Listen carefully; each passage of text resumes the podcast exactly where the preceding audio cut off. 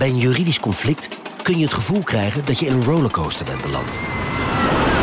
Je wereld staat op zijn kop en je bent de controle even helemaal kwijt. Dan is het fijn als je bent verzekerd bij ARAG. Daar werken topjuristen en advocaten die je begrijpen. Die een stap extra voor je zetten. En je het gevoel van controle teruggeven. Met kennis en informatie, met heldere uitleg en met gericht advies. ARAG, juridisch probleemoplossers.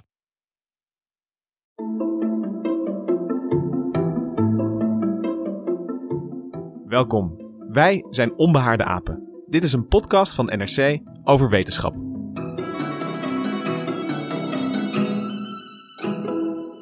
Welkom bij de allereerste aflevering van NRC's Onbehaarde Apen. Mijn naam is Lucas Brouwers, ik ben biologie-redacteur bij NRC. En naast mij zit Hendrik Spiering. Hoi Hendrik. Hallo, ik, uh, nou, ik ben dus Hendrik Spiering, redacteur gedragswetenschappen denk ik. En mijn voornaamste interesse gaat naar de grote lijnen in uh, de geschiedenis en de evolutie van de mens. En Van ontstaan van bewustzijn tot uh, waarom we een fiets hebben. Oké, dat, is, dat is breed, maar wel heel mooi. Aan mijn andere kant zit uh, Gemma Venhuizen. Hoi Gemma. Hoi Lucas. Nou, ik ben net als jij biologieredacteur. Ja. uh, maar ik vind het heel veel leuk om over te schrijven. Ook over stenen. Ik ben geoloog uh, van opleiding, psychologie, alles eigenlijk. Wat fijn. We zitten hier bij elkaar omdat we het gaan hebben over de vraag waarom mensen bijna geen vacht meer hebben. Dat is ook de reden waarom onze podcast Onbehaarde Apen heet. Maar voordat we daarover gaan praten, uh, gaan we het eerst hebben over iets wat is ons is opgevallen deze week. En uh, Gemma, ik vroeg me af, uh, heb jij iets in het nieuws gezien waarvan je dacht van, nou, dat heeft me geraakt of dat vond ik bijzonder? Ja, in uh, Kenia is op 45-jarige leeftijd het laatste mannelijke exemplaar van de noordelijke witte neushoorn overleden. En er zijn nog wel twee vrouwtjes, maar ja, die hebben ook geen nakomelingen meer gekregen. Dus de soort is nu definitief ten, ten dode opgeschreven. Ja, gedoemd om uit te sterven. En dat vind ik wel het heftige hieraan. Dat in zijn 45-jarige uh, leven heeft Soudaan ook nog in Tsjechië gewoond. En in die tijd waren er nog wereldwijd 2000 uh, noordelijke witte neushoorns. Je hebt ook een ondersoort, een zuidelijke witte neushoorn, die is er nog wel. Maar we wisten dus eigenlijk dat het slecht ging met de soort. En niemand heeft bij tijds ingegrepen. En nu is de soort er straks helemaal niet meer. Ja, en het, het bijzondere van deze neushoorn vind ik zelf dat uh, we kennen hem omdat er een enorm beroemde foto van hem bestaat met een soldaat ernaast om hem in godsnaam nog maar te, te bewaken. Omdat zelfs uh, de laatste mannelijke neushoorn niet veilig is voor stropers die dat hele mooie dier doden alleen maar voor die horen. En daar wordt dan Chinese medicijn van gemaakt. Het is wel de ultieme pech voor een Afrikaans zoogdier. Dat door de globalisering ineens die in het bereik komt van uh, Chinese medicijnmannen. Heel vreemd. Dus zelfs met de beste wil van de wereld konden we deze soort niet voor uitsterven behoeden. Hendrik, is jou nog iets uh, opgevallen deze week? Ja, ik, uh, dit ging natuurlijk over uh, een, een, dier in Afrika. Maar ik zat aan een ander zoogdier te denken die in een baan om de aarde is geweest. Scott Kelly een uh, beroemde astronaut uh, van de Amerikanen die samen uh, met een Rus voor een experiment een jaar lang in het ISS is geweest. Meeste astronauten blijven maar een half jaar of sommigen blijven maar een week. Maar dit was echt een proef om te kijken wat gebeurt er. En nou ja, dat lees je dan als die omhoog gaat. Er wordt heel veel lawaai over gemaakt. Maar wat nu eigenlijk uitgekomen is, wat nu het grote ontdekking is, dat is dan nu pas bekend geworden. En dat vind ik een beetje raadslachtig. Want hij had een tweelingbroer en dan kun je ze allemaal heel precies vergelijken. En dan zou zijn DNA zijn veranderd. Nou, daar geloof ik eigenlijk niet zoveel van. Maar hoe het precies zit, dat uh, weet ik eigenlijk niet. Nou, ik heb daar ook een, beetje, naar, uh, een beetje iets van meegekregen. Het was een, een, journalist had dit gewoon opgepikt uit een, uh, een, een communiqué eigenlijk van de NASA. die even de voortgang meldde. En, en die zag daar iets over genen en dat het veranderd zou zijn. Uh, maar het was niet het uh, DNA zelf dat uh, veranderd is. dat is dat, zo ging het wel in de pers rond. Maar het ging over de activiteit van DNA. Dus genen worden afgelezen. En nou, een gen kan heel veel worden afgelezen of heel weinig. En daarin verschilde die tweeling een beetje. Maar een van die NASA mensen zelf heeft gezegd van ja, na een paar maanden trok dat wel weer bij. Dus het is, dus het is denk ik wel een voorbeeld van iets wat, wat een beetje in de vertaling uh, van wetenschap naar publiek verloren is gegaan. Dus in, in, uh, de, in allerlei details is dat dan misschien interessant voor als we ooit naar Mars gaan reizen. Maar de conclusie is dus dat als je een jaar lang gewichtloos bent, dan is de biochemie van je lichaam anders dan als je op aarde zit. Ja, dat, en dat klinkt natuurlijk wow. een, stuk minder spectaculair dan dat je DNA veranderd is. Maar het is wel. Dus helaas is, dat wel de saaie werkelijkheid. En als je dan dat nieuws leest, dan denk je dat je DNA is veranderd daardoor. God, het is echt dat je de wijze trap er niet in. trap er niet in, mensen. Nou, uh, je, je, noemde het net al een, een, een uh, zoogdier in een baan om de aarde. Ik zou, ik zou bijna zeggen dat het een, uh, een aap is in een baan om de aarde. En over apen, dat is waar we het vandaag over gaan hebben. En in het bijzonder over de, de kale aap, de mens. Waarom zijn wij zo bloot? Die, die kwestie is eigenlijk aangekaart. Uh, het is wel leuk om te vertellen door Desmond Morris, een, een, bioloog die inmiddels 90 jaar oud is. En die heeft in 1967 eh, schreef hij een uh, belangrijk boek, The Naked Ape. En daarin stelde hij zich voor van, nou ja, als er een buitenaardse bioloog zou afreizen naar de aarde en hij zou al die apen zien die er zijn. en waarbij waar ik dan de mensen ook eventjes als, als apen benoem. Welke naam zou hij dan bedenken voor de mens? Als je al die apen op een rijtje zou zetten. En toen kwam hij met uh, de naakte aap, de naked ape. En dat is trouwens wel leuk om te vertellen. Dat boek is net opnieuw in het Nederlands uitgegeven. En het heeft eigenlijk een andere titel gekregen. Het heet niet meer de naakte aap, maar de kale aap. Iets minder pikant. Iets minder pikant. Uh, en Midas Dekkers in het voorwoord, die legt ook uit. Uh, naakt, dan ben je zonder kleren. Maar ehm, de mens is niet hij is niet naakt, kijk maar om, je heen. We hebben allemaal kleren aan. De mens is kaal, hij heeft weinig haar. Dus vandaar dat het boek nu heet De Kale Aap. Een onvoorstelbare schok, want de, de normale naam voor de mens was de homo faber, de, de mens die dingen maakt, de mens die filosofeert. Homo sapiens, de, denkende mens. Ja, dan blijkt het dus gewoon iemand zonder kleren te zijn. Misschien is het wel even leuk om, uh, om, om te luisteren naar, naar Desmond zelf toen hij dit uitlegde uh, in een interview twee jaar geleden. I'd met this young publisher and I'd said to him, I think one day I'm going to write this book called The Naked Ape about human beings. I'm going to write it as if I'm an alien landing on this planet and looking at this strange primate, clearly related to apes and monkeys. But it's a bit odd because it, it has a naked skin. It, it doesn't have any, it doesn't have a coat of fur. And it stands on its hind legs. And it talks. It's a very strange monkey, very strange ape. And if I were an alien, I would, so I might better give it a name. I'll call it the naked ape because it, it it's a, a, a comparatively a more or less naked, functionally naked. I know we've got, we have body here, but it's functionally we're naked. Dit is echt zo mooi, omdat hij dus heel duidelijk de mens reduceert tot een natuurlijk figuur. Ja. Hij zegt wel, hij praat. Natuurlijk praten we, dat is waarschijnlijk, de taal is waarschijnlijk heel bijzonder voor ons. Maar hij zegt nee, als je nou gewoon van buiten kijkt, is het gewoon een naakte aap. En dat is natuurlijk wel shocking in de jaren zestig, waarin we nog totaal in het uh, ja, superieure westerse christelijke wereldbeeld zaten van de mens als hoogtepunt van de schepping, ondanks 100 jaar Darwin natuurlijk. Het, is echt, uh, het sloeg in als een bom ook. Ja, hij, hij zet de mens echt weer neer als een, uh, als een dier. Uh, hij is een bioloog die een dier probeert te begrijpen. En met die blik keek hij in dat boek. En, en, en dat, nou, dat is een hele krachtige manier van denken ja, gebleken. feitjes over seksualiteit, maar daar hebben we het een andere keer. Dat is, dat is vroeg genoeg voor een andere aflevering, ja. Um, en ik, ik, ik vind het zelf wel bijzonder dat hij toen een kwestie heeft aangekaart die biologen eigenlijk nog steeds niet hebben opgelost. Want hij hij, uh, hij observeerde, nou ja, de mens die is, uh, die is bloot. Uh, hij zegt van, van we, hebben wel, we hebben wel lichaamshaar, maar vergeleken met de andere apen stelt er niks voor. Maar dan komt natuurlijk de interessante vraag, waarom is dat zo? Ja, wat vond hij zelf eigenlijk? Want hij zal wel een reden hebben. dat is eigenlijk een hele goede vraag. Daar heb ik niet zo over nagedacht en ook niet zoveel over teruggevonden. Ik vermoed dat hij inderdaad, hij was wel heel erg veel bezig met, met seks en blozen en dat soort... Ja ehm, uh, theorieën. Dus misschien dat hij die kant op ging. Maar dat, dat, dat weet ik niet zeker.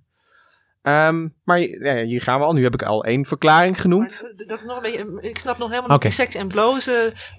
Wat, ik bedoel, maakt lichaamshaar ons onaantrekkelijk? Ja, dat hoor je altijd wel van, hè, vrouwen moeten hun benen scheren, want... Ja.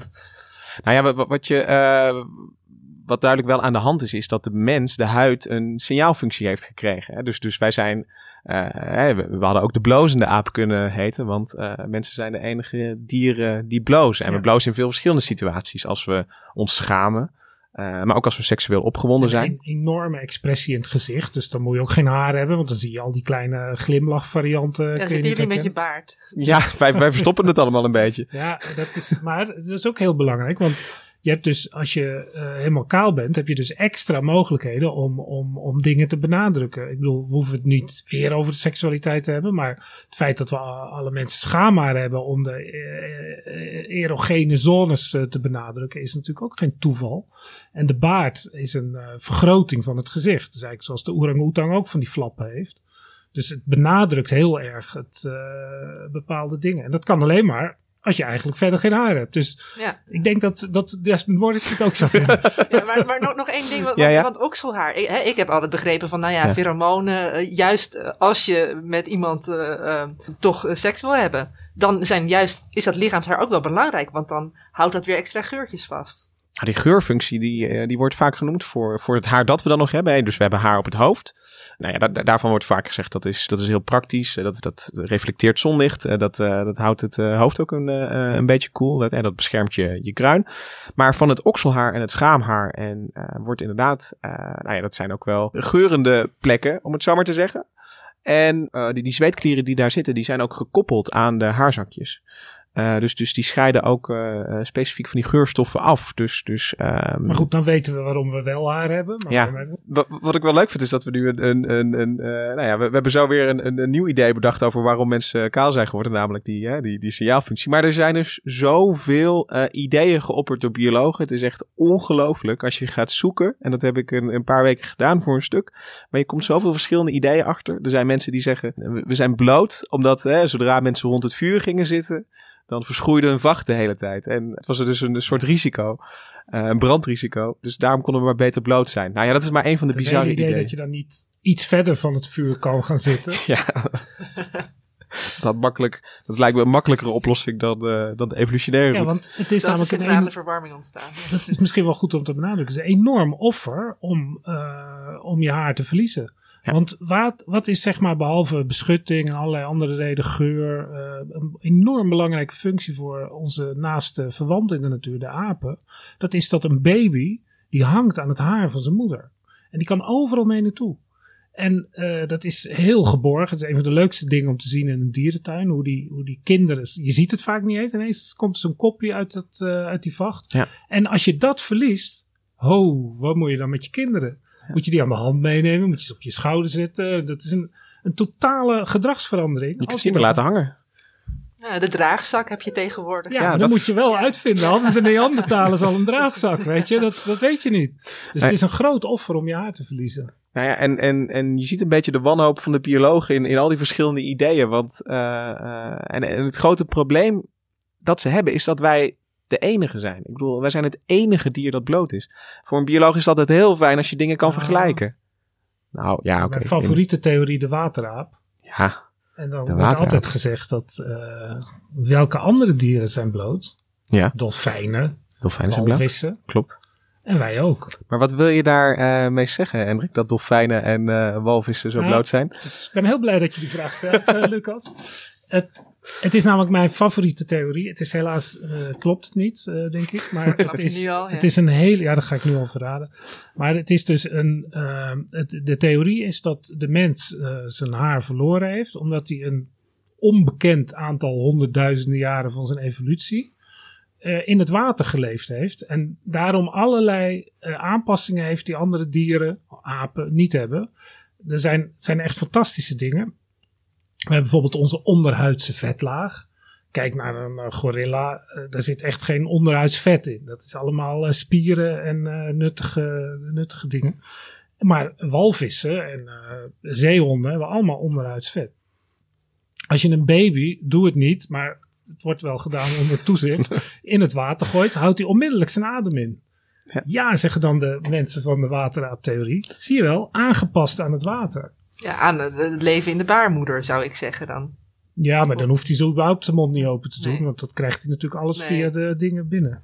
En uh, het is ook een heel interessante geschiedenis, omdat het namelijk in de jaren, begin jaren 60 door een eh, bioloog, Alistair Hardy, eigenlijk terloops geopperd is. En het is eh, in de decennia daarna opgepakt door een niet-bioloog, Elaine Morgan, die daar fantastisch leuke boeken over heeft geschreven. En echt een ongelooflijke fanatieke promotor is geweest van dat idee. En eh, misschien is het leuk om daar even naar haar te luisteren, want zij heeft een, hele leuke eh, TED-talk gedaan. Waarin ze haar gal spuwt over alle mensen die niet in prachtige wateraaptheorie geloven. when Alistair Hardy, a marine biologist, said, I think what happened, perhaps our ancestors had a more aquatic existence for some of the time. He kept it to himself for 30 years, but then the press got it and all hell broke loose. All his colleagues said, this is outrageous, you've re- exposed us to public ridicule. You must never do that again. And at that time, it became set in stone. The aquatic theory should be dumped with the UFOs and the Yetis as part of the lunatic fringe of science. De lunatic fringe of science. Nou, dat klopt ook wel een beetje. Maar in het begin hadden ze ook echt een punt. Want eh, je hebt het nu net over Desmond Morris gehad. Dit is eigenlijk in dezelfde tijd. En eh, wat was het idee? De mens eh, is ontstaan omdat we zijn eigenlijk een chimpansee die uit de bossen de savannes is opgelopen. En daar hebben we alles aan te danken. We zijn op twee benen gelopen om ver over de savanne uit te kijken. Of er geen wilde dieren aankwamen. We hebben ons haar verloren, ja, nou ja, omdat het handig was op de savanne, was het idee. Hoewel zebra's en eh gnoes, die hebben ook altijd hun haar eh, gehouden terwijl ze op de savanne rondrennen. Dus dat, daar keken ze ook niet naar. En toen kwam dus die Alistair Hardy, die zei, ja, eh, onzin, weg met die savanne-theorie. We zijn het water ingegaan. En heel veel agressie van Elaine Morgan en haar bondgenoten. Het schijnt dat David Attenborough haar ook gesteund heeft. Dat vindt ze dan heel belangrijk, want iedere steun die ze krijgt is van belang. Some of them have come over. There was Professor Tobias, he's come over. Daniel Dennett, he's come over. Sir David Attenborough, he's come over.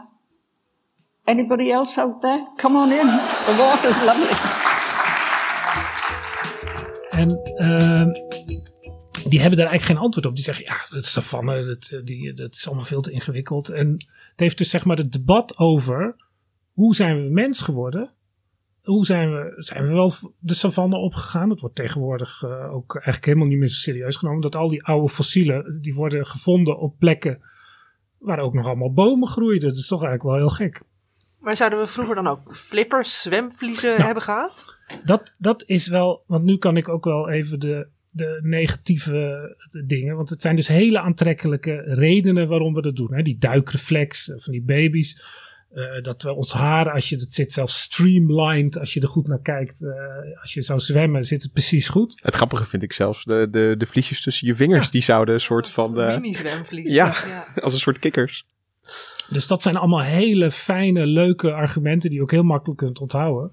En de tegenargumenten, die natuurlijk in de loop van de tijd eh, wel ontwikkeld werden, die zijn eh, veel eh, ingewikkelder. Een van mijn favoriete tegenargumenten is dat het bloedvatsysteem wat de mens heeft, totaal ongeschikt is om permanent in het water te zitten. Omdat het helemaal gericht is op het afgeven van warmte. Nou, als je iets niet wil, is het afgeven van warmte in het water. Ik heb, ik heb gelezen dat de mens de aap is met de meeste bloedvaten in zijn huid. Je, je, je bent binnen no time, eh, zijn we ook onderkoeld. eh, als, We als kunnen ook we, de bloedvatrijke aap heten. Als we niet meer de naakte aap willen zijn. ik zou, ik, het lijkt me leuk als wij eh, aan het einde van de aflevering vijf alternatieve namen voor de mens hebben gevonden. De bloedaap. Nee. Maar ik ga nog even door.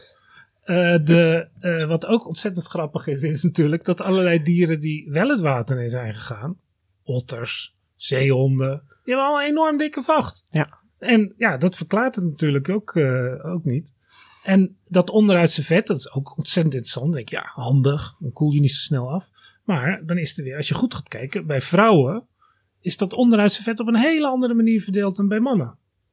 Zwommen die dan in, in ander water? Dit kikkerbadje. Ja, dat, dat is allemaal, kan je helemaal niet verklaren. En misschien wel het allerbelangrijkste, en dat is wel een, eh, echt een, een echt wetenschappelijk argument. Je verklaart eigenlijk iets wat je vervolgens weer ongedaan moet maken. Want stel dat we nu inderdaad een tijd in het water hebben geleefd. Dan zijn we er ook weer uitgekomen. En waar zijn alle... Je, het- het- je, moet, je, je, je hebt een oplossing. En vervolgens heb je twee nieuwe problemen. Waarom Want waarom zijn we, zijn we erin gegaan? Ja. Hoe zijn we er aangegaan? Hoe hebben we ons dan weer aangepast? Ja. Nou, wat, wat ik wel. ehm, eh, wat jij zegt eh, net van, van je, je onthoudt al die argumenten voor, eh, die onthoud je zo makkelijk. En eh, toen ik dat, dat stukje geschreven had over die menselijke factor, kreeg ik ook nog reacties van mensen. Maar het was, het was zo'n elegante, fijne theorie. En, en waarom heeft niemand het er meer over? Dus ik, ja, zij heeft echt wel impact gehad in de, in de jaren Ja. 60 en 70. Ik bedoel, echt, dat idee is heel populair geworden. Ik ken ook heel veel eh, biologen die, die dit ook heel fijn theorie vinden. Ja, het is, het is misschien wel niet waar, maar het is zo. Het is een, het is, het, wat dat betreft past het ook in de UFO's. eh, weet je, het prikkelt de fantasie. Ja. Het geeft een beeld van hoe het ook had gekund. En dan is de taak van de wetenschap om dan allerlei eh, drempels op te werpen. Ja, hoe zit het dan met die bloedvaten? Ja, dat weten we natuurlijk niet. En, maar het idee is natuurlijk dat we zo lang. En we, hebben het, we vinden het ook heel leuk om in het water te zijn. Dat scheelt natuurlijk ook. het is natuurlijk ontzettend leuk om onder water te zwemmen. En, en het is een andere wereld. Dus het is een soort. Ja, je zit, we zitten nu met onze kunstmatige flippers dan weer als je gaat duiken Ja. bijvoorbeeld. En ik zit trouwens ook aan alle zeemerminkunst en zo. Dat is toch ook, dat spreekt altijd tot de verbeelding. Ja, het, het, het is een heel sterk idee, maar eh, ik, Klopt helaas niet. ik denk dat we hier met z'n allen... Dan heb ik nog een theorie. Nog, nog een theorie? Kom op. Maar die vond ik eerst heel erg leuk. Want ja, daar zit wel iets in. Namelijk dat mensen hun haar hebben verloren omdat we dan minder parasieten kunnen hebben. En het leuke van die theorie is dat volgens de genetische analyses, waar je altijd natuurlijk een marge bij moet hebben, is hebben we, de, hebben we ons haar ongeveer 1,2 miljoen jaar geleden verloren. Of in ieder geval het lange haar. Het is nu alleen nog maar heel kort haar. En dat is in dezelfde tijd dat uit allerlei andere archeologische dingen blijkt dat we steeds langer op één plek wonen en steeds ingewikkeldere eh, samenlevingsvormen hadden. Want waarom heb je parasietendruk? Waarom heb je veel luizen en, en vlooien? Omdat je iedere keer op dezelfde plek gaat slapen. Dus die, wat je daar kwijtraakt, dat springt dan de volgende dag weer op je. Het idee is dus dat, dat je nest of je hol, zeg maar, je bed, dat, Ja. eh, dat zijn vieze plekken eigenlijk, omdat Ja. je daar de hele tijd weer naar terugkomt. Ja, daarom ja. moeten wij ook allemaal onze beddengoed op tijd wassen natuurlijk. Ja. En dat valt heel mooi samen. En dat is natuurlijk een hele elegant idee, want eh, ja, luizen en vlooien is allemaal heel vervelend. Maar toen heb ik me daar ook in verdiept en toen las ik eh, een, een mooi overzicht van welke parasieten mensen en chimps en, en ook eh, bonobo's hebben. En dan blijkt dat die luizen, die, die, zeg maar die parasieten die op je, op je huid leven, ja, dat is een bagatel. Dat is niet zo erg. Maar het gruwelijke is de wormen die in je darmen leven. De, Ja, die, De- die van binnen echt. die van eh, binnen opeten en, en, en aan, je, aan, aan je energie Want jeuk opzuigen. maakt helemaal niet zoveel uit. Nee, en die, die, die chimps die hebben er nog een eh, gezellige tijd. Die zitten elkaar lekker te vlooien. Dat is een hele aardige manier om eh, de tijd door te komen. En toen dacht ik, ja, dat is gewoon dat is wel handig. Ik, en als nu kinderen luizen hebben, dan scheer je hun eh, haar kort. Nee, dan heb je toch ook juist zulke sociale bijeen. De luizenmoeder. De luizenmoeder, ja. Dat staat nog steeds, ja. Het heeft nog Maar steeds een sociale functie. het, dat het, vlooien. het levert te weinig op, Ja. die eh, parasietendruk. Mag Ja. ik e- één ding over de, de hoofdluis, wat mij eh, zeer intrigeert, is Ja. het schijnt dus dat er speciale luizen zijn die zich ehm, hier in Europa vooral hebben gespecialiseerd in stijlhaar. Want steile haren die zijn wat ronder Oh. in doorsneden. Wat En grappig. er zijn ook andere luizen, hoofdluizen in Afrika, die dan weer beter op kroeshaar met Ja. hun klauwtjes eh, kunnen zitten. Want die zijn iets ovaler. Dus, dus je Ja. kunt aan de, aan de luis eigenlijk zien waar die een beetje vandaan komt. Ja, dat, Ja. eh, Wat grappig, dat ik niet. Ehm, luizen zijn het niet. De wateraap denken we ook niet. Eh, nou ja, toen, toen ik hier in dook, toen heb ik toch wel iets gelezen waarvan ik denk van ja, dit, dit, eh, dit is toch wel de meest doordachte, verstandige theorie misschien. En die wil ik graag aan jullie voorleggen. En, en als jullie daar gaten in zien, dan, dan hoor ik natuurlijk ook graag. Maar dit, dit is even hè, terug naar de basis. Die vacht is weg. Eh, we hebben het al even genoemd dat, dat, eh, dat mensen ontzettend eh, bloedvatrijke huid hebben. Ik bedoel, wat gebeurt er nou op die menselijke huid? Wat gebeurt er nou met onze eh, naakte huid? We zijn ontzettend veel aan het zweten. Hè, de, de mens is, is, eh, is de aap eh, die het meeste zweet. ah, nieuw, nog een nieuwe naam. dat is een nieuwe de naam. zwetende aap. Ja, precies. Ik, ik, ik heb het dus even, even Ik denk niet dat opgezocht. we onze podcast zo moeten gaan Nee, doen. Ach, je ruikt het toch niet. Het is radio. ik, ik, ik heb gezien dat een, een mens kan een, een liter per uur eh zweten. En bij de meeste apen is, is, dat, is dat nog maar 10% eh daarvan. Eh, het, het zweet is ook iets wat, en dat vond ik ook wel grappig, de apen die in, in Amerika leven, dat, dat worden de apen van de nieuwe wereld genoemd, die zweten helemaal niet. Die, Ja, die stammen ook, die zitten ook heel ver van ons die, die, die zijn heel ver van ons vandaan, maar die zijn alleen maar aan het hijgen. En dat doen de, eh, de lories op eh, Madagaskar doen dat ook. Die koelen af door te hijgen. Net als honden. En dan heb je de apen van de oude Die wereld. zijn al aan het zweten. Hè, dus de bavianen en, en de chimpansees en de Dat zijn gorilla's. onze neven, zeg maar. Dat zijn onze neven. En dan kom je eigenlijk bij de mens. En, en daar is dat tot hè, het meest extreme doorgevoerd. Wij, zijn, wij zweten het meest. Maar wanneer werkt zweet nou het best? Dat is hoe bloter je bent. Die vacht, dat is een soort isolatielaag. Als, als, als er vocht verdampt van je jas bij wijze van spreken, dan, eh, dan, dan koel je daar niet zoveel van af. Nee. En ehm, eh, die- dus op die blootheid is het beter. En, en je hebt ook meer eh, eh, convectie van lucht. Dus de lucht kan veel meer afvoeren hoe bloter je bent daar. Maar goed, dat verklaart waarom we gaan zweten als we geen huid meer hebben. Maar, of geen haar meer Ja. hebben. Maar hoe verlies je dan je haar? Nou, d- d- daar, daar is dus ook een beetje over na- nagedacht. En dan gaan we toch een beetje de menselijke evolutie in. En dan moeten we eh 4 miljoen jaar terug naar Australopithecus eigenlijk, hè, Lucy. Naar die. ja, Was die ook al kaal? Nou, het idee is van, van Lu- Lucy gaat al meer lopen. Hè, dus, Ah. dus, dus, dus, dus als we chimpansees en gorilla's hebben, dan ben je nog aan het knokkel lopen en dan zit je vaak in de bomen.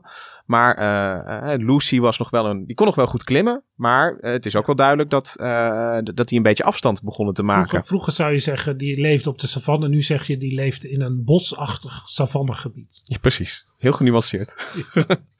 maar zodra je hè, wat grotere afstanden af gaat leggen, dat, dat is een inspanning en, en dan eh, moet je gaan koelen. Dus eh, daar begint het dan al een beetje.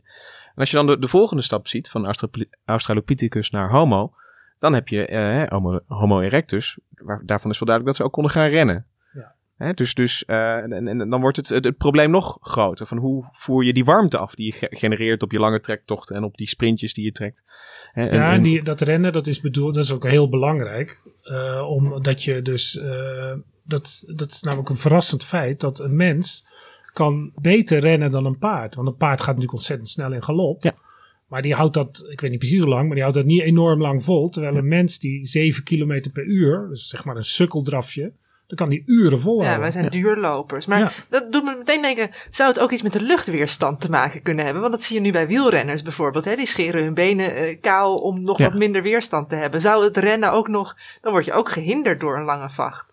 Ja, eh, het is, het is niet handig, maar ik denk dat. De eh, parachute-theorie van het lange haar. ja, kijk, die luchtweerstand die is, die is natuurlijk vooral op korte afstanden hè, voor die sprint. Dus daarom zie je dat de cheetah, dat is zo'n ontzettend eh, aerodynamisch beest. Wij zijn niet heel erg aerodynamisch, denk ik, in die zin. Wij zijn echte duurlopers.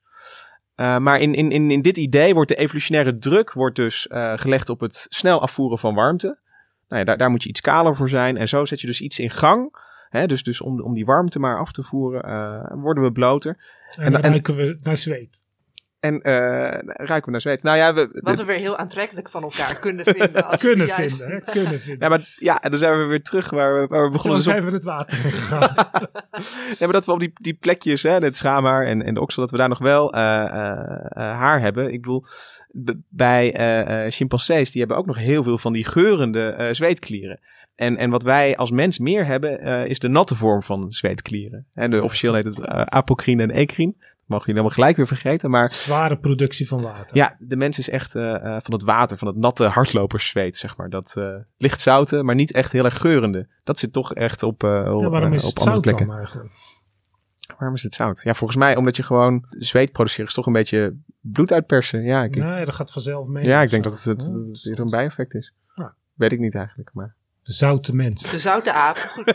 Nog even. Ja. De, bloed, de bloedvatrijke aap. Ja. De zwetende aap. De zoute aap. De blozende aap, niet te de vergeten. blozende aap. Ja. Of toch de naakte aap. De onbehaarde aap. De onbehaarde Ja, aap. we houden het wel eh, exact. maar het is eigenlijk fout. We kunnen brieven krijgen, want we zijn niet onbehaard. Nee. We hebben namelijk evenveel haren als een chimpansee. Ze zijn alleen oneindig veel kleiner. Ja, eigenlijk zijn we de vachtloze De, aap. kort- de kortharige aap. Ja, dat, kort, dat komt wel heel dicht bij de terrier. Ja, Nou, voordat we deze, deze aap helemaal uit het oog, eh, uit, uit oog verliezen, is misschien eh, goed om, eh, om af te ronden.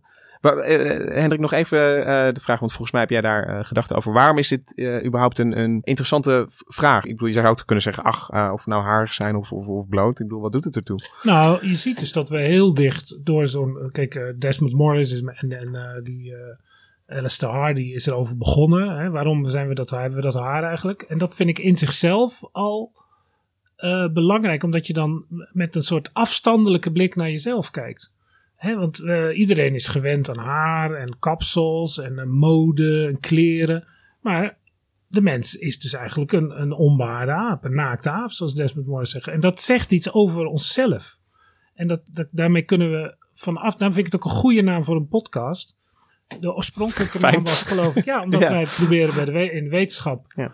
Probeer je toch ook met afstand naar jezelf te kijken. En niet een, een slachtoffer te worden van, van ja, modes. En eh, met haar gaat gauw over kapsel. Wat, ik bedoel, niemand heeft het erover.